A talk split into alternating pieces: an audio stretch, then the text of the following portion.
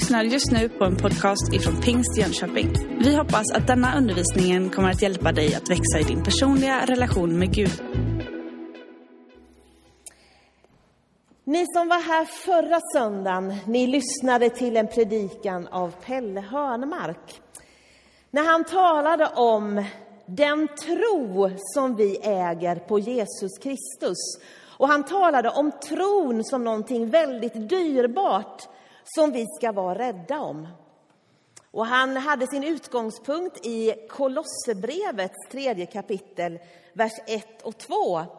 Och han hade någon bild ifrån golfspelandet. Han talade om att stå på två ben, men att ha tyngdpunkten på det ena benet. Han talade om att stå med ett ben i den här världen och ha ett ben i den himmelska världen, i det osynliga. Men vikten av att ha tyngdpunkten på benet in i den osynliga världen. Och han utmanade oss att vara rädda om tron på Jesus Kristus. Gå gärna in och lyssna på den predikan på hemsidan och utmanas och uppmuntras. När jag gick hem i söndags så kände jag att jag hade blivit påmind om, på ett djupt sätt i mitt liv, vad dyrbar tron på Jesus Kristus är. Och bönen liksom förstärktes i mig att den här tron ännu mer ska få prägla mitt liv.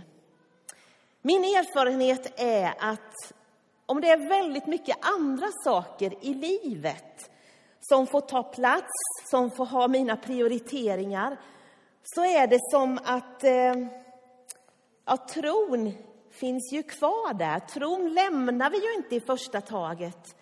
Men det kan bli så att tron inte längre präglar mitt liv. Det jag tänker, hur jag handlar, hur jag prioriterar. Så där föddes en bön i mitt liv och för vår församling. Måtte vi vara rädda om denna dyrbara tro på Jesus Kristus. Jag tror att eh, jag har ett budskap idag till alla som vill att tron ska växa och utvecklas. Men också till dig som känner att tron inte längre präglar ditt liv. Och också till dig som ännu inte har tagit emot den här gåvan, tron på Jesus Kristus. Eh, nästan dagligen i vår församling så har jag förmånen att få möta människor som kommer som alldeles nyss har kommit till Sverige. Ni såg ju när vi hälsade nya medlemmar välkomna att ganska många av dem har sitt hemland någon annanstans. Det personliga mötet med alla de här människorna gör någonting på djupet i mitt liv och jag är så tacksam över att få dela livet, att få lyssna på berättelser, att lite grann få följa deras process. Men många av de här kommer från länder med en extrem förföljelse mot kristen tro. Och skulle de inte få stanna här utan bli tvungna att skicka tillbaka tillbaka till de här omständigheterna så väntar mycket svåra saker. När jag parallellt med detta läser Nya testamentet och hur Jesus Kristus blir predikad, hur evangeliet spreds, så är det också i en kontext av svår förföljelse. Och jag ska ta er med nu till två bibelverser. Och det är aposteln Paulus som skriver. Och han skriver till den yngre Timoteus, som på många sätt kallas för hans andliga son. Det råder någon slags fader och sonförhållande mellan de här personerna. Och vi börjar med en vers ifrån första Timoteusbrevet, det sjätte kapitlet, den tolfte versen. Första Timoteusbrevet 6 och 12. Där skriver Paulus till Timoteus, men också till den församling där Timoteus var ledare. Och i förlängningen är det ju ett ord till oss här idag. Kämpa trons goda kamp. Sök vinna det eviga livet som du har kallats till och för vars skull du har avlagt den rätta bekännelsen inför många vittnen. Paulus uppmaning är kämpa trons goda kamp. Några år senare, när Paulus själv sitter fängslad för sin tro och kort innan han själv ska lida döden för sin tro, så säger han så här, och då bläddrar vi till Andra Timoteusbrevet, det fjärde kapitlet och den sjunde versen. Jag har kämpat den goda kampen. Jag har fullbordat loppet. Jag har bevarat tron. Jesus, tack för att vi får läsa ordet. Och nu ber jag, heliga Ande, att du skulle komma och lysa på bibelordet och lysa på Jesus, så vi förstår mer av vem Jesus är och hur dyrbar tron är. Kom, heliga Ande. I Jesu namn. Amen. Vad som är verkligt viktigt när livet summeras och slutet närmar sig är enligt Paulus att bevara, att ha bevarat tron på Jesus. För att ännu mer förstå innebörden i de här orden när Paulus uppmanar oss att kämpa trons goda kamp och det här ordet när han säger att jag har kämpat den goda kampen, jag har fullbordat loppet, jag har bevarat tron, så är det bra att gå tillbaka till och påminna oss om vem var egentligen Paulus? Hur ser hans liv och bakgrund ut? Hur ser hans tjänst ut? Vem var Timoteus som fick det här för att förstå lite mer av innebörden? En del av er känner väl till detta och för en del är det kanske helt nytt. Paulus som, som skrev de här breven, han hade växt upp i en strängt religiös familj. Det står om honom att han blev omskuren på åttonde dagen. Hans far var från Israels folk, från Benjamins stam. Och som liten hade han fått gå i judisk skola. Han hade utbildat sig senare, en lång utbildning till farisé, till skriftlärd. Och han, eh, han, hade ett väl, han var väl ansedd. Han var, alltså I mänskliga ögon så kom han liksom ifrån rätt familj, rätt släkt. Han hade en god och lång utbildning. Han var liksom överlåten till det han höll på med. Han hade liksom allt det där mänskligt sett. Men det berättas om honom att han väldigt ihärdigt gjorde någonting som han trodde var rätt utifrån det han hade lärt sig. Och det var att förfölja de kristna, de som bekände Jesus Kristus som Herre och Messias. Och går man till Apostlagärningarna 9 så berättas det om hans omvändelse och den är väldigt dramatisk. Det var när han var på väg att fängsla de kristna i Damaskus. Han hade ett brev ifrån översteprästen som tillät honom att göra detta, att fängsla både män och kvinnor. Och när han var på vägen att göra detta så blir han helt stoppad av ett starkt ljussken, av en hög röst, en röst som också hördes av männen som var med honom. Och jag kan fundera över varför hände det just då? Varför blev han stoppad?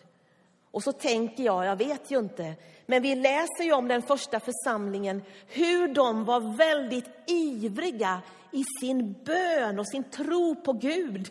De bad inte liksom att, att de skulle få ett lätt liv, men de bad om att evangeliet om Jesus skulle få spridning. Och på något sätt så är det som att Gud han väljer ut det mest målmedvetna redskapet han skulle kunna få tag i. Den mest ivriga förföljaren av kristen tro som blir den största förespråkaren för vem Jesus är. Och där på vägen så faller han ner. Han blir blind rent fysiskt. Han var ju andligt blind och hade inte förstått vem Jesus var. Och i sin blindhet så sitter han där, omtumlad. Men Herren hade ju en lärjunge i Damaskus. Och Jesus talade till Ananias och sa, nu har du ett uppdrag. Och han blev livrädd när han hörde till vem han skulle gå. Fattas bara, den värsta förföljaren av kristen tro. Och han tycker att han hör att Gud säger till honom att det är till honom han ska gå. Men han blir övertygad om att han hör Guds röst. Han går dit, lägger sina händer på den blinde Saul, hette han då. Och han får tillbaka synen. Han fylls av helig ande. Han låter döpa sig. Och så börjar han, lika ivrigt som han förföljde den kristna kyrkan, att predika att Jesus Kristus är Guds son.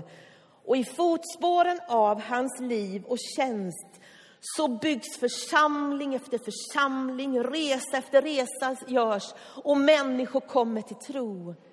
Men han är också den som får lida väldigt mycket för sin bekännelse om att Jesus är Messias. I ett annat av Paulus brev så skriver han och jämför med sitt tidigare liv och det livet han hade nu. Så säger han så här i Filipperbrevet 3 och 7. Att allt sånt som var en vinst för mig har jag för Kristi skull kommit att räkna som en ren förlust. Ja, jag räknar faktiskt allt som en förlust jämfört med det som är långt mer värt. Kunskapen om min Herre Jesus Kristus. För hans skull har allt det andra förlorat sitt värde för mig. Jag kastade på sophögen för att vinna Kristus och få leva i honom. Och lyssna, han säger så här. Jag vill lära känna Kristus och kraften från hans uppståndelse och dela hans lidande genom att bli lik honom i en död som hans.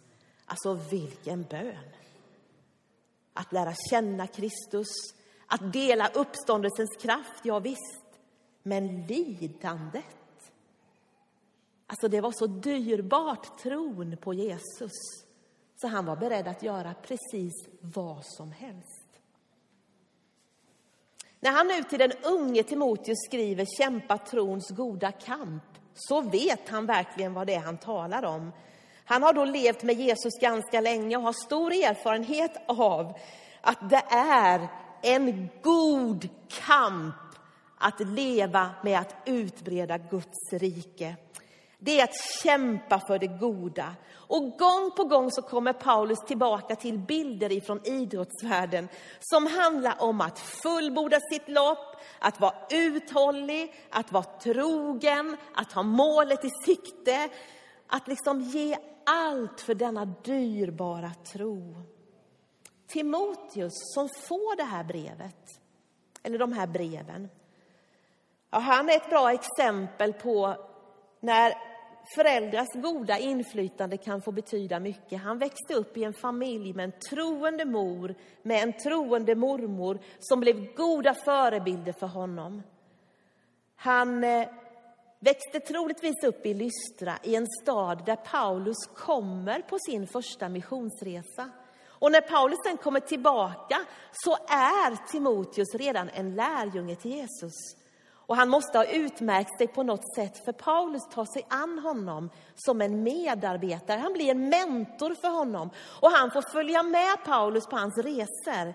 Ibland så fick han stanna kvar i någon församling och fortsätta och undervisa och hjälpa till. Och Paulus reste vidare och sen sammanstrålade de och så vidare.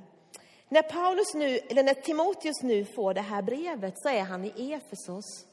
Och han har blivit utsatt för olika påtryckningar, både från samhället, precis som vi blir idag, men också från församlingen. Och det var olika utmaningar. Men Paulus, den erfarne andlige förebilden som Timoteus hade, skrev brev av vägledning och uppmuntran. Och det som det handlar om i det här brevet, det handlar om att Timoteus ska vara noga med och se upp med villolärare som kommer, villoläror. Ja, men det är väl tydligt att se vad det är för någonting kan man tycka. Det kan smyga sig in allt sånt som vill få oss att fokusera andra saker än vad Jesus Kristus är. Att frälsningen skulle handla om någonting annat än att ta emot det Jesus Kristus har gjort, att tro på det, att bekänna sig till Jesus Kristus och hans verk på korset. Det var mycket olika villolärare som ville ta fokus ifrån att Jesus Kristus är vägen, sanningen och livet. Och så får han det här brevet. Han får höra om betydelsen av bönen och hur församlingsledare ska vara. och att han inte någon ska få se ner på honom för att han är ung. Han uppmuntras liksom att vara en förebild. När Timoteus får det andra brevet så sitter ju Paulus i ett kallt fängelse. Ja, kallt tänker jag att det var, för han ber att han ska få sin mantel. Han frös nog. Eh, och där så är han med om att Paulus upplever att han är väldigt övergiven, han är väldigt ensam. Han upplever att liksom livet det börjar rinna ut. Han, han, han känner på sig att nu är det nära att han ska dö. Och kanske var det så att Timoteus hade stått där och sett när han blev fängslad. Andra Timoteusbrevet 1 och 3 säger så här. Jag minns dina tårar och längtar efter att få se dig igen för att fyllas av glädje. På något sätt hade det varit ett smärtsamt avsked. Eh, tårar hade funnits där. Men Paulus säger också att jag minns dig ständigt i mina böner. Dag och natt så ber jag för dig. Men jag minns också dina tårar och jag längtar efter att få träffa dig. Vi brukar vara ganska noga med att det sista en människa säger innan hon dör, om det så är en inflytelserik person någonstans eller om det är någon av våra nära, i kretsen av de närmaste, så brukar man lyssna lite extra. Vad var det sista som upptog en människas tal och tankar? Och det sista vi har kvar av Paulus, det är andra Timoteusbrevet. Det är det sista vi har kvar av honom. Och då kan man ju fundera över när han ska summera sina 30 år som apostel, när han ska säga någonting liksom till Timoteus, vad är det liksom han säger då? Jo, Andra Timoteusbrevet 2, 7-8, så säger han det viktigaste. Jag har kämpat den goda kampen. Jag har fullbordat loppet. Jag har bevarat tron. Och så det här med benet in i den himmelska världen. Nu väntar mig rättfärdighetens segerkrans som Herren, den rättvise domaren, ska ge mig den dagen. Och inte bara mig, utan alla som längtar efter hans ankomst. Jag har bevarat tron. När du och jag summerar våra liv, det viktigaste vi har att bevara det är att bevara tron på Jesus Kristus. Ingen av oss vet hur våra liv blir. Men den dyrbara tron på Jesus Kristus, det är ju den som på något sätt gör att den här segerkransen också väntar oss. Paulus han skriver i det här brevet att vi ska veta det att i de sista dagarna så blir tiden svår. Då kommer människor att tänka bara på sig själva och på pengar. Och så fortsätter beskrivningen av den yttersta tiden. Men Timoteus han uppmuntras att kämpa trons goda kamp, att göra gott, att berätta om Jesus så evangeliet får utbredas. När Paulus talar om att kämpa den goda kampen, man kan tänka att det handlar om prestation. Men det hand, tron handlar ju framförallt om en relation med Jesus Kristus och låta den här relationen, kärleken, få fylla oss. Men sen handlar det också om att tron får ta sig uttryck i praktisk handling, att den får höras i vårt tal, att den får synas i vår blick, att den får liksom märkas i våra handlingar. För det är ju så att när vi möter orättvisor, när vi möter förtryck av olika slag, så vill vi kämpa för det goda. Och när vi kämpar den här goda kampen, så vill jag bara påminna om att då är det helt andra vapen som vi kämpar med. Det handlar om kärlek. Vi möter ondskan och det svåra med kärlek. Vi tänder ljus istället för att fördöma mörkret. Vi övervinner hat med kärlek och lögn med sanning. Det handlar om vapen som får sin kraft av Gud att bryta ner starka fästen. Kärlek, lovsång, tillbedjan, bekännelse av Jesus Kristus, att ordet får ha en nära stor plats i våra liv och så vidare. Att vi kommer fira gudstjänst, att vi värnar om den kristna gemenskapen, att vi kommer till nattvardsbordet, hela tiden påminner oss om vad Jesus har gjort och delar denna dyrbara tro med andra människor.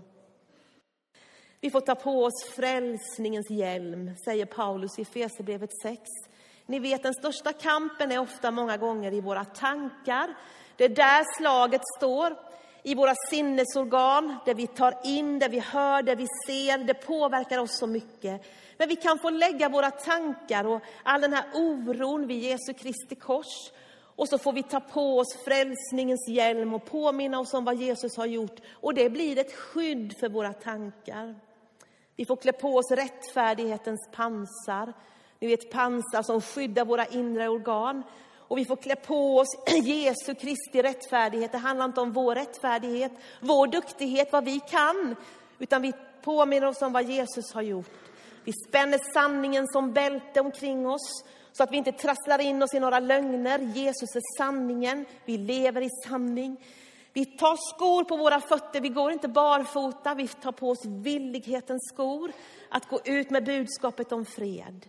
Vi tar trons sköld i vår hand, tron på Jesus Kristus. Och den skölden är så stark så att den förmår att få den ondes alla brinnande pilar att slockna. Och när vi står tillsammans som troende och lyfter våra sköldar tillsammans, då blir det ett sånt skydd för allt det här som på olika sätt vill göra oss illa och påverkar oss. Så var rädd om den kristna gemenskapen. Och tycker du att det är tufft med tron, ställ dig bakom dem som tror och ta skydd. Och i vår högra hand så får vi ta Guds ord, Andens svärd. Det är det här vapnet, det är det här som är både till anfall och försvar. Vi får leva av och leva nära Guds ord. Så att klä oss i Jesus Kristus, då är vi rustade för den goda kampen. Du har just lyssnat på en podcast ifrån Pingst Jönköping. För att få reda på mer om vilka vi är och vad som händer i vår kyrka så kan du gå in på pingstjonkoping.se eller följa oss på sociala medier via pingstjkpg.